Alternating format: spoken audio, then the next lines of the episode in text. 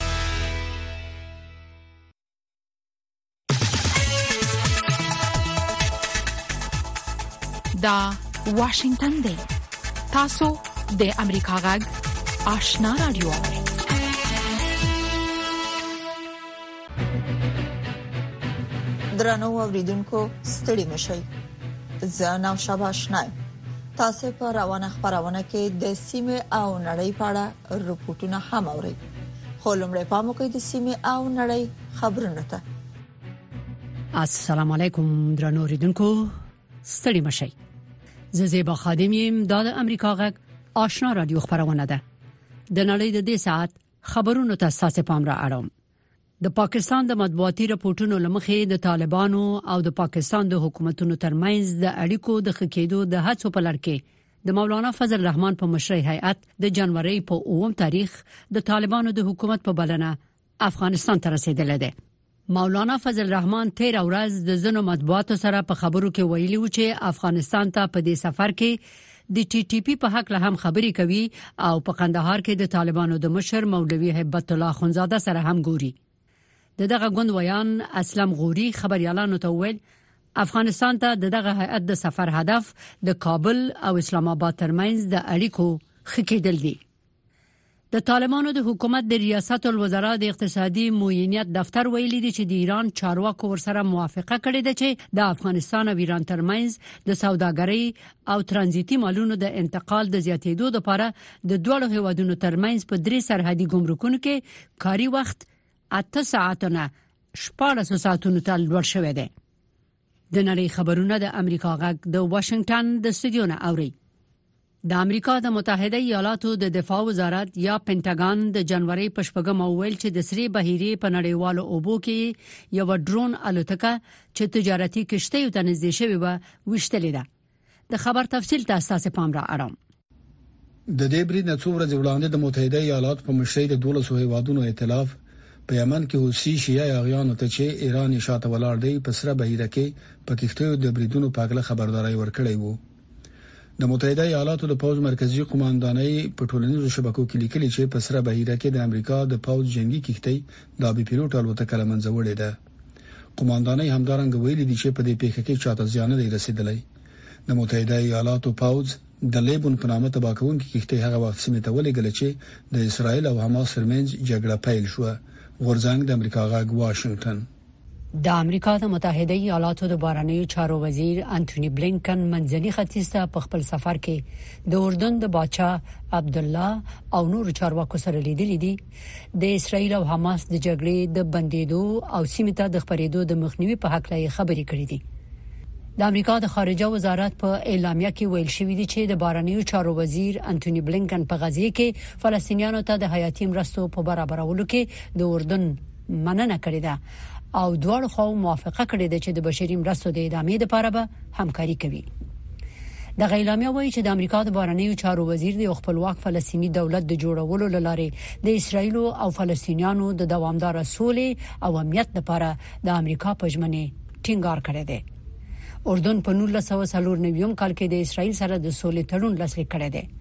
باچا عبد الله هم د شخړې د حل لپاره د اسرایل او فلسطین لپاره د دوو مستقلو دولتونو په ایجاد ټینګار کړی دی او د لویدیځ غاړې او غزې نه د فلسطینیانو شړل رد کړی دی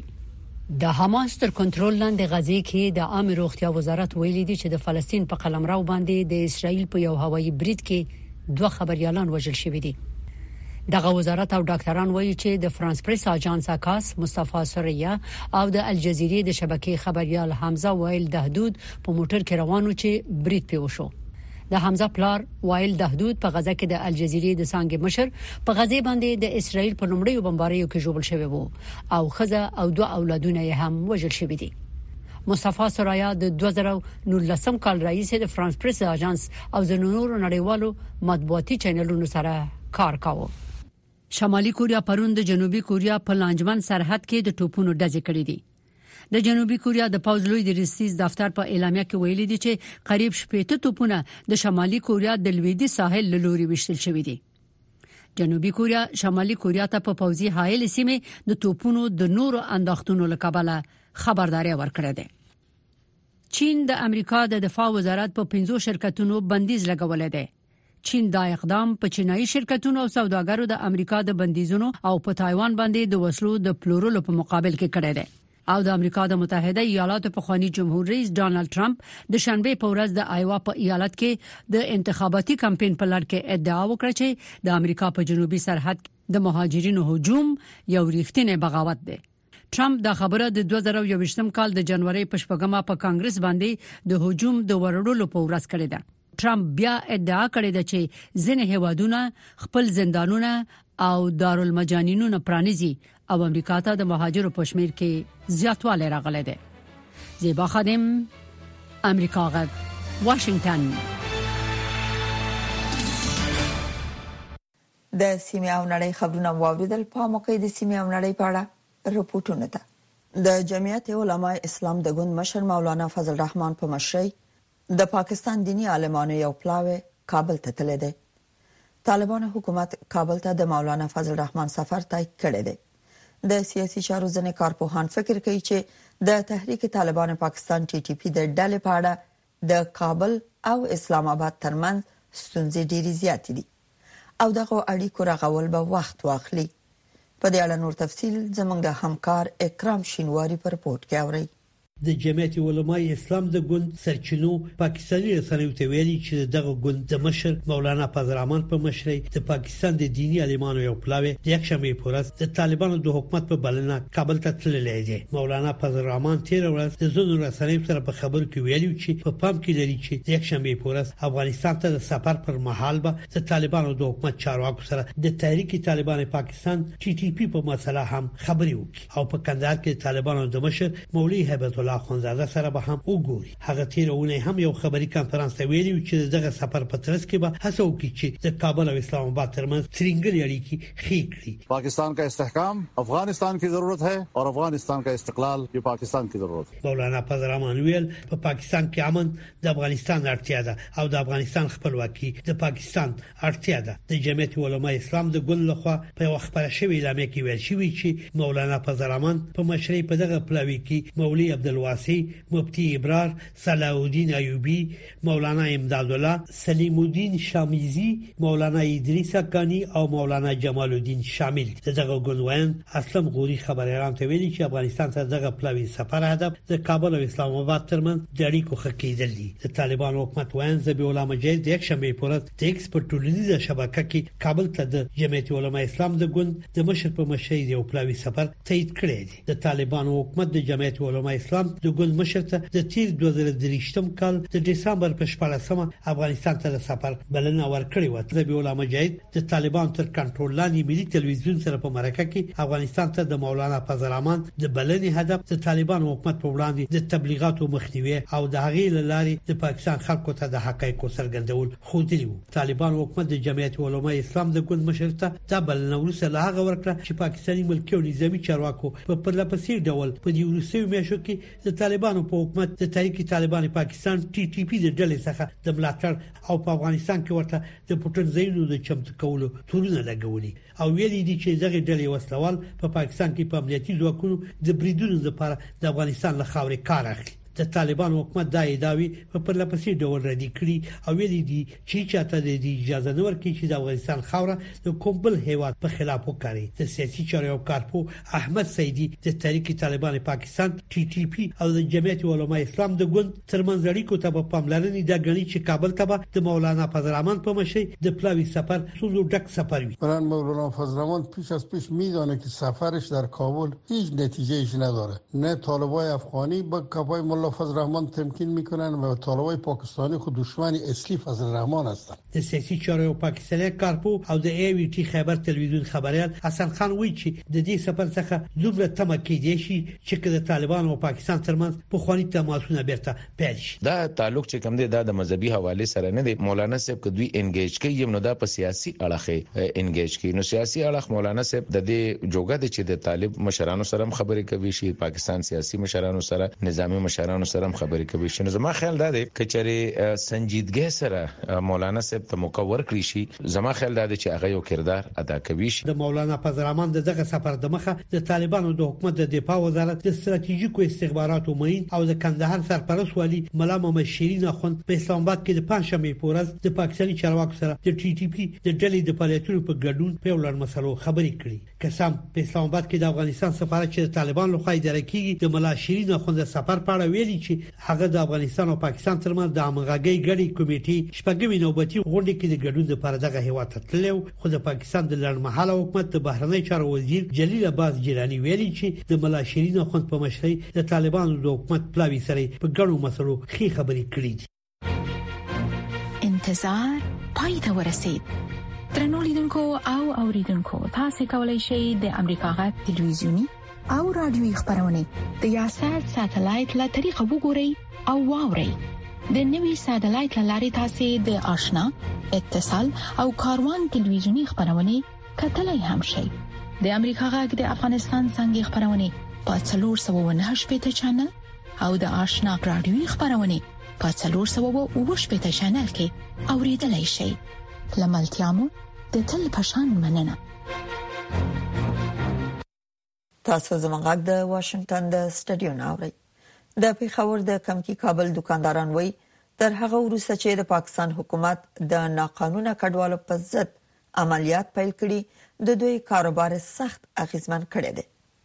دغه دکانداران وایي چې سره لدې چې د دوی قانوني اسناد شته خو کاروبار نشته خدای نور ناصر له ځینو دکاندارانو سره خبرې کړي او دا راپور پرې جوړ کړی دی د پېښور کمکای کابل چې پلورونکي او پیریدونکي اکثریت افغان کډوال وو دغه دکانداران وایي د پاکستاني حکومت لوري د کډوالو پر ضد تر عملیاتو وروسته کاروبار په ټپه درېدلی دی. پهله خو دومره مشکلات نه وو چې دا کوم حکومت له د خوا نه دا سختي راغلي که نه چې کارډونه مسله ده نو دلته ګرځي کارډونه چک کوي په بازارونو ډېر اثر پرېوتی ځکه کسټمر نه راځي یریږي او نور ډېر مشکلات دي سودا مانیم ډیر زیات مشکل دغه شوی کنه سودا نه کیږي مخکې به چې تقریبا 20000 سیل کې د ورځې اوس هغه 5000 تر غلې 5000 ته ډیر زیات دغه رقم شوی دی بزنس په وجه ما نور هم زیات مشکلات دي سر دغه دکانداران وایي افغان کډوال د ویرې لامل بازار ته ناراضي او د هغوی د نراتګ تر ټولو زیات اغیز د دوی په دکانداري پریوتې دی کاروبار باندې خو ډیر زیات اثر پریوتی دی البته دا کم خلک چې لګ وخت شوی راغلی دی هغه خو بیخي دیاره نه بازار ته نشی راتلی دیاره نه بازار ته نشی راتلی که نو خامخا چې بازار ته څوک نه راځي نو مونږ ته خو به کار څوک نه راوړي چې بازار ته خلک زی راځي نو تنګول نه نو خامخا به خلک راځي او چې بازار کې څوک نه نو کار به هم نه وي سر جی کاروبار باندې ډیر زیات اثر پریوت ځکه چې اب کم افغانان چې دی کنه لکه لار بندیز راغلی دی کنه افغانان هغه سید نه نزي او نه دی خوان لکه زی کنه نو کارونه باندې ډیر زیات اثر پریوت کارونه خراب شوې دي خلک نزي تګ را تګ نشته دی ځکه بس کارونه باندې ډیر اثر پریوت دي او بس زموږ کارونه ټول افغانانو سره دی کنه لکه هغه ځنه چې افغانان راځي مونږ نه سوداګانې کی او زمونږ کلچر سیستم دی کنه ټول د افغانانو چې دی رواج دی لکه اوس دومره افغانان لکه دي نه چې خلک تلیم دی کنه نو کارونه ډیر وسره خراب شوی دی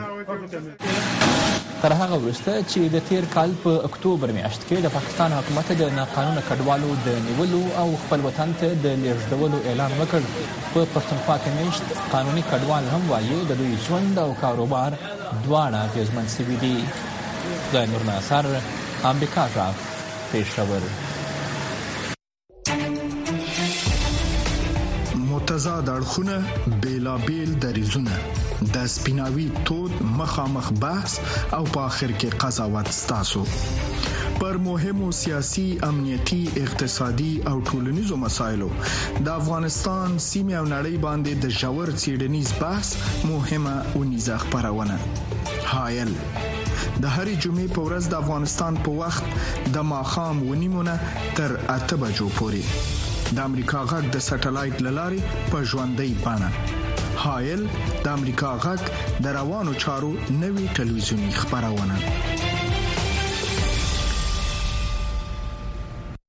د سیمې او نړۍ په اړه رپورټونه د امریکا غږ آشنا رادیو د واشنگټن د سټډیو نه اوري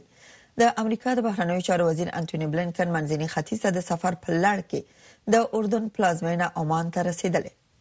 او وروسته به اسرائیل او د اردن لویدیځ غاړه ته ولاړ شي بلینکن په عمان کې د اردن د بهرنیو چارو له وزیر ایمن صفادي سره خبرې کوي بلینکن به منځني ختیځ ته په سفر کې د اسرائیل عرب ګاونډیان دې ته وهڅوي چې په راتلونکي کې د غزې په اداره کولو کې مهم رول ولوبوي. په دې اړه نور حال په راپور کې اورئ. د امریکا د بهرنیو چارو وزیر انتوني بلینکن په تیرو دریو میاشتو کې منځني ختیځ ته خپل څلورم سفر کې له ترکیې نه وروسته اردن ته ولاړ او د اردن باچا عبدالله سره یې ولیدل. تر دې مخکې د واشنگټن دغه لوړپوړي ډیپلوماټ د شنبه په ورځ په ترکیه کې له ولسمشر رجب طیب اردوغان او د بهرنیو چارو له وزیر هاکان فیدان سره له کتلو وروسته ویل چې هغه غواړي ډاټ ترلاسه کړي چې په منځني ختیځ کې د جګړې لمن پراخه نشي موږ په دې اړه هم پراخې خبرې وکړې چې ترکیه څنګه کولای شي له خپل نفوذ او له خپلو اړیکو څخه په استفادې سره په منځني ختیځ کې د شخړو د زیاتیدو په مخنیوي کې مرسته وکړي او په راتلونکي کې د غزې په تړانګه کې د ترکیې د رول په اړه مو هم خبرې وکړې چې د حکومتولۍ د ننګونې مسئلې د فلسطین په مشرۍ حکومتداري د امنیت بیارغونه او په سیمه کې د تلپاتې سولې او امنیت رامنځته کول شامل دي. منځني ختیځ ته د ښاغلي بلینکن دا سفر په داسې حال کې کیږي چې په سیمه کې د اسرایل او حماس ترمنځ د جګړې د پراخېدو په اړه په ځانګړي توګه په لبنان د اسرایل شمال سور سمندرګي سوریا او عراق کې او پر غزې د اسرایل د بریدونو د زیاتېدو په اړه اندېښنې او انتقادونه مخ په زیاتېدو دي. موږ به وګورو چې موږ څه کولای شو چې د ملکي خلکو د خوندیتوب لپاره ډېرې بشردوستانه مرستې غزې ته داخلې شي او همدارنګه له غزې څخه یرغمل شوي کسان وایستل شي. په غزه کې د نارینه، ښځو او ماشومانو وضعیت لا هم ډېر کړکېچن دی. په رافاه کې بې ځایه شوي فلسطینیان هیله من دي چې سیمې ته د امریکا د بهرنیو چارو د وزیر انتوني بلېنکن سفر پر غزې د اسراییل جګړه پای ته ورسوي. نأمل من بلينكن يا رب من رب العالمين. موږ د امریکا د بهرنیو چارو له وزیر او له خدای نه هیله لرو چې پر موږ رحم وکړي، جګړه پای ته ورسوي، هغه بدبختۍ پای ته ورسوي چې موږ پکې ژوند کوو. موږ هم انسانان یو چې باید آزاد او باعزته ژوند وکړو. د حماس مشر اسماعیل هانیه پر عربي مشرانو غږ کړی چې منځني ختیځ ته د بلینکن د سفر په ترڅ کې پر هغه فشار راوړي چې د فلسطین د ټولې خاورې د اشغال او د تیری په پای ته رسولو ډیر ټینګار وشي مونږ هیله لرو چې په عربي او اسلامي هیوادونو کې چارواکي چې د امریکا د بهرنیو چارو له وزیر سره ګوري د امریکا حکومت به دا جوته کړي چې زموږ د سیمې راتلونکي او ثبات د فلسطینیانو د مرام سره تړلي دي. د اکتوبر پر اومه د اسرایل پر خاوره د حماس له بریدونو وروسته چې نږدې 1200 اسرایلیان پکې ووژل شول او کابو 240 نور یې يرغمل کړل د اسرایل پاوز په غزي کې پراخ عملیات پیل کړل چې د غزي د روغتیا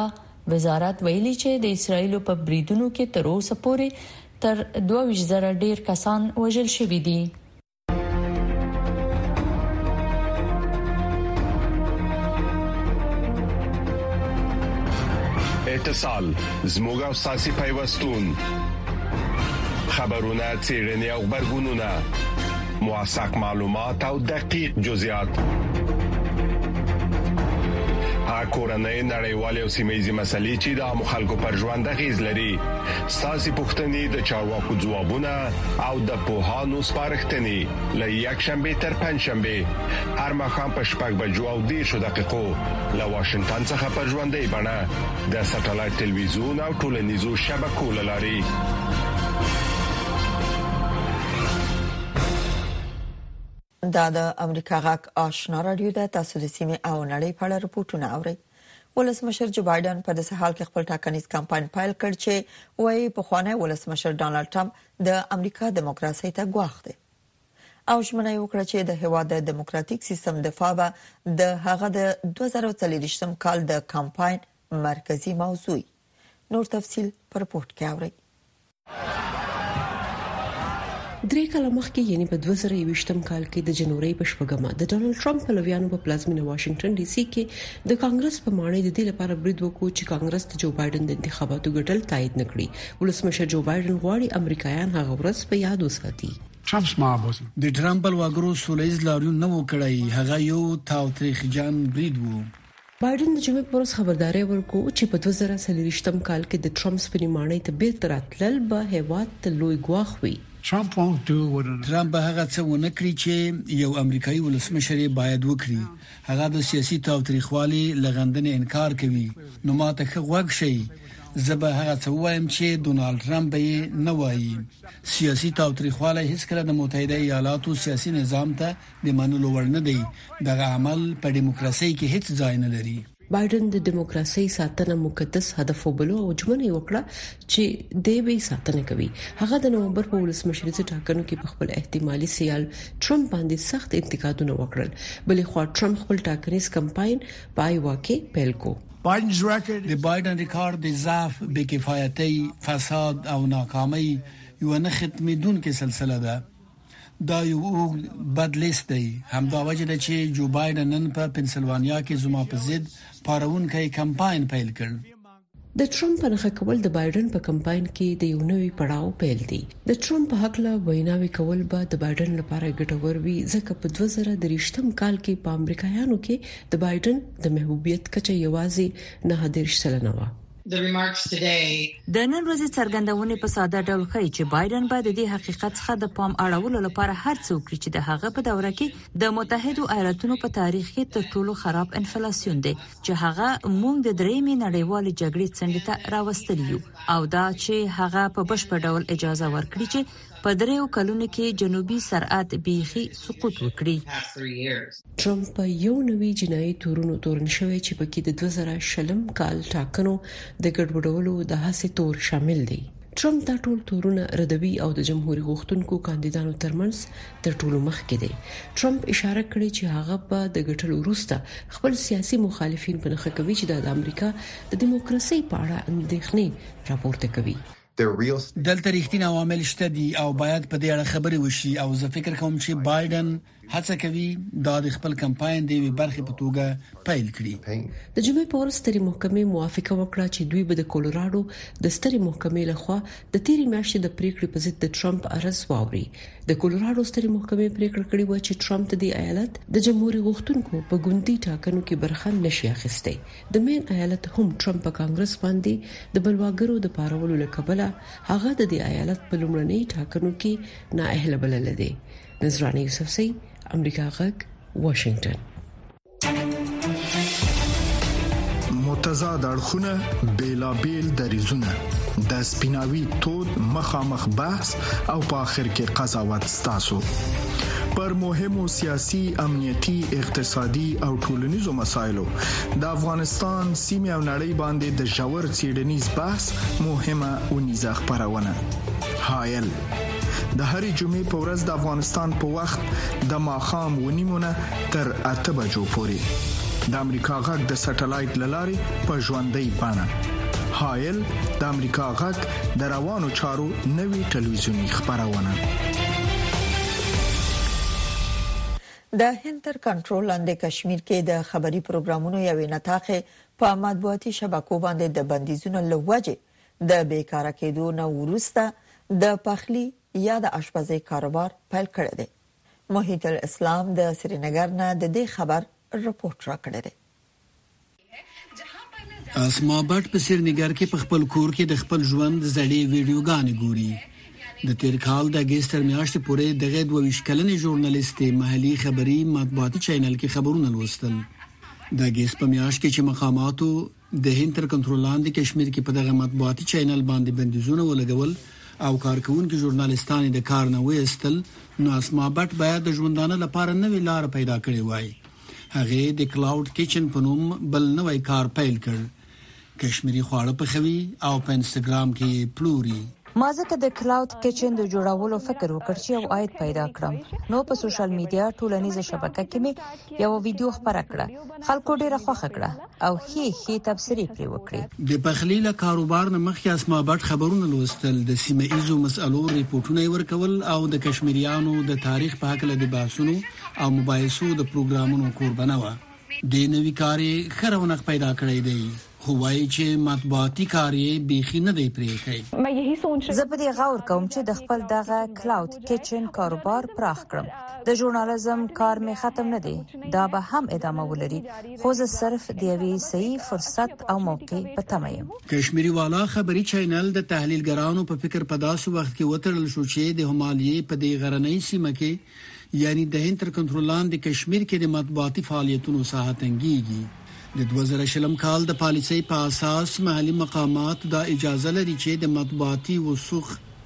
د حکومتي اعلانونو د عایداتو د کنترول په هکله معلومات ترلاسه کړای شي. او دا پریکړه وکړي چې کوم خبرونه یا پیښه غلطه و سیاسي تحلیلګران او مبصرین وایي د دې پالیسۍ لامل ژورنالیستان مجبور شوي دي چې په خپل په ځان سانسور ولګوي او ځنې محلي ژورنالیستان نور ځایونو ته ولاړ شي یا حتی خپل مسلک بدل کړي مزمل مقبول د ساده خبرو په نوم د کشمیري پادکیست پروګرام کوربه او سیاسي مبصر دی. دی وايي، اصلاحات او د ژورنالیستانو معلومات د مطبوعاتي پالیسیو موثریت ته ګټه رسولی شي. زما په فکر په ډېرو برخو کې زیات شیان شته چې په پالیسۍ کې اضافه شي، خو د ژورنالیستانو نه پرته به څوک پرې ښه پوه شي. زه فکر کوم ډیر زیات مسلکي ژورنالستان شته چې د هند غونډې او ملک د دیموکراسي په دې څلورم رکن کې ونډه لري د بې سرحد خبريالانو په شان د څارنې ګروپونو په کشمیر کې د مطبوعاتو د وضعیت په حق له تشويش څرګند کړي دي چې د اسما بټ په څیر ژورنالیستان د عاید د پیدا کولو په خاطر نوې لارې چارې لټوي او په ژورنالیزم کې تازه فرصتونو ته سترګې پلار دي غورځنګ د امریکا غږ واشنگټن درنو اوریدونکو دا د اوس په یو سرمقاله ووري چې د امریکا د حکومت نظر څرګندوي نړۍ د کووډ 19 پاندیمیک یا وبا لامل چې نږدې و میلیونه خلک پرېمړ شو خورا زیاته اغیزمنه شو دغه خبره د متحده ایالاتو د روغتيایي او بشري خدماتو د وزارت د نړیوالو چارو مرستیالې سکرټرې مېرمن لویس پیس څه موده مخکې د کانګرس د یوې استماعه غونډې په مهال وکړه. نوموړي وویل چې د وخت په تېرېدو سره به څرګنده شي چې آیا نړۍ بیا کله د عامې روغتیا له بل کوم جدي ګواښ سره مخ کېږي.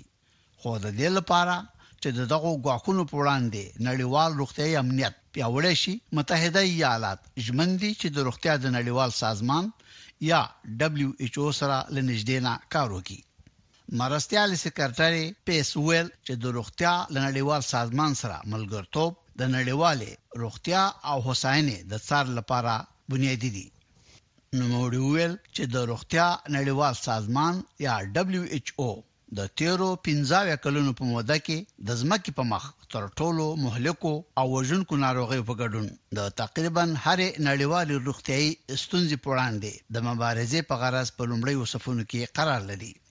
WHO دا مهال د غزې او اوکراین په ګډون څو درجنو جدي روغتیايي بیړنیو وضعیتونو ته ځواب ورکوي. پیس وویل چې بیا هم د کوېټ اوبا د روغتیا د نړیوال سازمان په ګډون په نړیوال روغتیايي ارکیټیکچر کې سترې خلاوې جوتې کړې.